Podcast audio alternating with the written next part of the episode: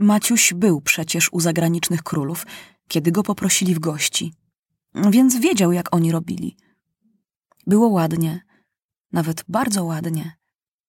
Ale przyjęcie, które Maciuś przygotował dla swoich królewskich przyjaciół, było zupełnie nadzwyczajne. Zresztą przyznali to zgodnie wszyscy królowie. Bo dużo rzeczy było z góry przyszykowanych, a dużo niespodzianek wymyślił Maciuś już podczas pobytu królów. Co dzień co innego. To polowanie, to wycieczka, to przedstawienie w cyrku stresowanymi zwierzętami, to walki siłaczów. Pierwsi przyjechali czarni królowie. Ale też było z nimi kłopotów, o rety. Żeby niepoczciwy bum drum, który podjął się pilnować porządku w przeznaczonym dla nich letnim pałacu, nie można by dać sobie z nimi wcale rady. Najgorsze, że o byle co zaczynali się bić. Bili się strasznie dziko. Drapali, gryźli i nawet ich rozerwać nie można było. To znów obiadali się przysmakami, które gotował królewski kucharz, potem płakali, że ich brzuchy bolą. A jak doktor kazał jeden dzień nie jeść, robili awantury, łamali krzesła i tłukli szyby. To znów się bali różnych rzeczy. Król Lumbo tak się przestraszył, kiedy zobaczył siebie w lustrze, że trzeba mu było dać krople, żeby się uspokoił. Król Du Nko, zamiast zejść ze schodów, zjechał na poręczy, spadł i złamał nogę. Król Mup odgryzł lokajowi palec w złości. A ile było guzów, trudno zliczyć. Król Pubu Ro przywiózł dwadzieścia żon, które wcale nie były zaproszone. Król Dulko Cyn w wielkiej tajemnicy przywiózł kiełbasę zrobioną z czterech murzynów. Znów awantura, kiedy mu kiełbasę odebrano. Król Braput wlazł na drzewo i siedział tam pięć godzin. A jak chciano go zdjąć, pluł, kopał i gryzł. Musiano wezwać strażaków, którzy puścili na niego strumień wody tak silny, że spadł do rozstawionej sieci. Bumdrum bardzo się wstydził za swoich ziomków i bał się, że całą uroczystość zepsują.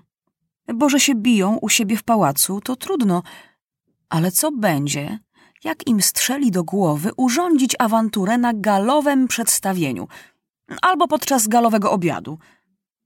Trzeba wymyślić dla nich jakie kary. Albo rózgi, albo kozę. Maciuś długo się opierał, ale widział, że inaczej sobie bum-drum z nimi nie poradzi. W jednym z pokoi królewskiego pałacu było muzeum. Tam były różne narzędzia, którymi karał swoich poddanych Henryk Porywczy. Były tam szydła do wykłuwania oczów, kleszcze do wyrywania paznokci i łamania palców, straszne piły do obcinania rąk i nóg, różne żelazne dyscypliny, rzemienie, kije i pałki – aż włosy stawały na głowie, gdy się na to patrzało. Nie lubił Maciuś muzeum. W głębi ogrodu wykopana była głęboka studnia, ale bez wody, dokąd wrzucano skazanych na śmierć głodową. Bum-drum postanowił z tego skorzystać i w przeddzień przyjazdu Białych Królów zaprowadził dzikusów do studni, potem do Muzeum Tortur i miał do nich długą przemowę.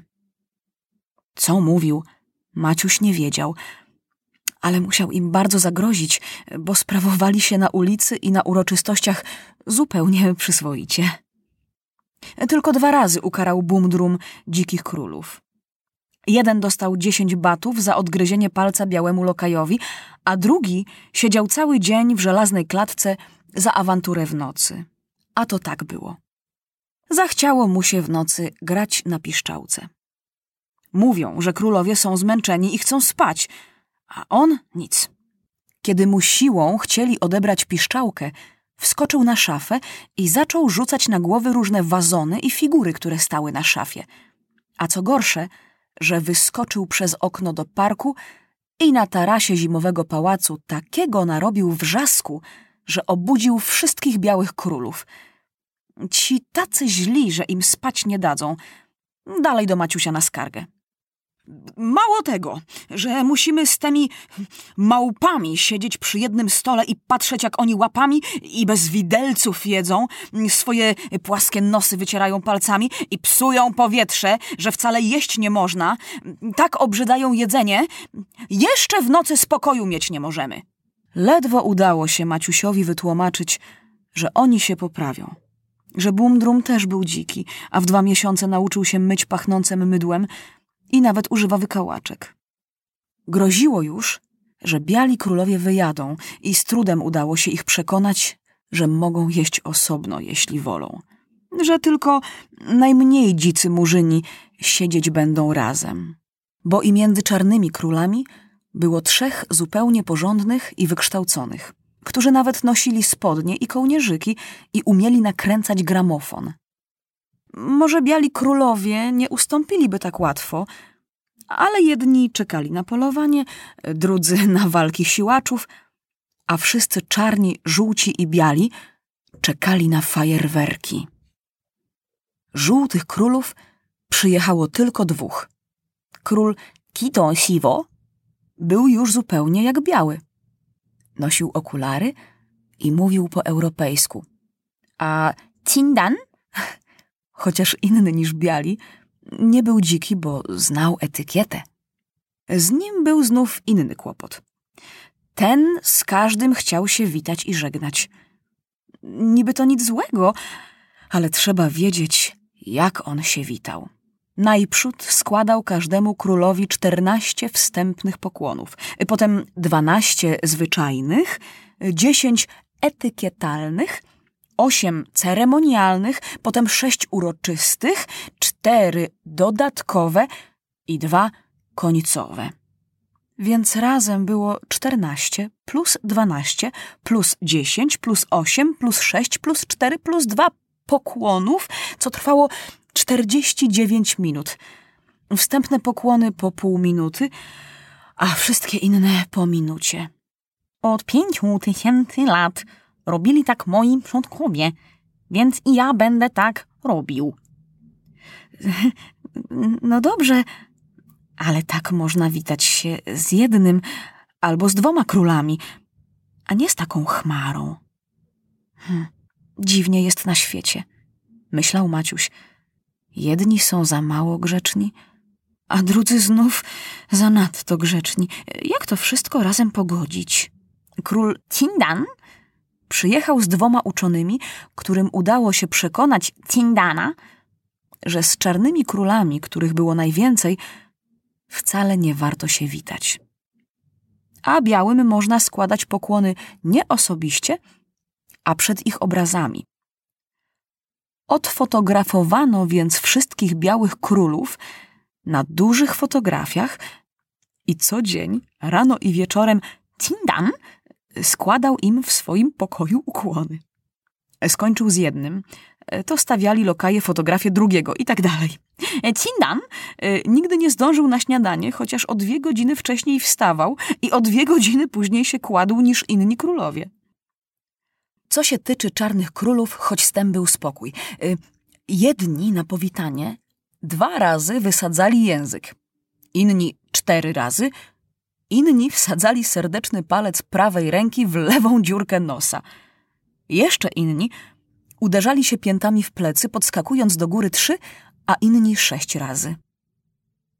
Zdziwił się Maciuś ogromnie, gdy mu Bumdrum powiedział, że w ubiegłym stuleciu przez lat piętnaście trwała straszna wojna między dwoma czarnymi królami.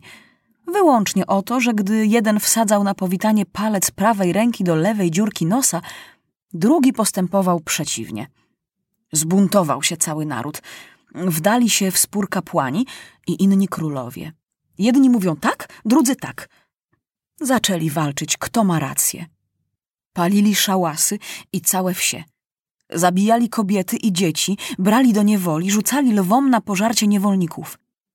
Aż wybuchła zaraza. I był taki głód, że dłużej nie mogli wojować i każdy został przy swojem. I teraz ci dwaj królowie nie witali się wcale i przy stole siedzieli z daleka. Powiadam, siedzieli przy stole. I to była trudna sprawa. Napocił się poczciwy bumdrum, zanim zrozumieli, że krzesła służą do siedzenia, a nie do rozbijania głów. Ale kto miał prawdziwą uciechę, to dzieci w stolicy Maciusia. Szkoły były zamknięte, bo i tak nikt na lekcje nie przychodził. Dzicy królowie nie lubili jeździć samochodami, a chodzili pieszo po mieście. A za każdym chmara chłopaków. Miała też i policja za swoje. Po uroczystości prefekt policji skarżył się, że schudł tak, że mu siedem kilo wagi ubyło. Bo pomyślcie tylko. Rozleźli się te małpy po mieście i pilnuj tu, żeby jaki łobuz kamieniem w nich nie cisnął. Żeby ich nie przejechali. No i żeby oni nie zjedli kogo, bo i o to nie było trudno. Maciuś musiał dać mu order. W ogóle, dużo różnych orderów rozdał Maciuś podczas uroczystości. Czarni królowie zawieszali sobie ordery w nosach, a biali na piersiach. I byli bardzo zadowoleni. Jeszcze miał Maciuś jedną przykrość. Bo czarnym królom nie spodobało się polowanie. I nic dziwnego, nie mogło się podobać polowanie na sarny i zające ludziom, którzy przyzwyczaili się zabijać słonie, tygrysy i krokodyle. Może i białym królom jedno mniej, drugie więcej się podobało, ale byli dobrze wychowani i udawali, że wszystko im się podoba, bo wiedzieli, że Maciuś się stara. A dzicy królowie byli źle wychowani.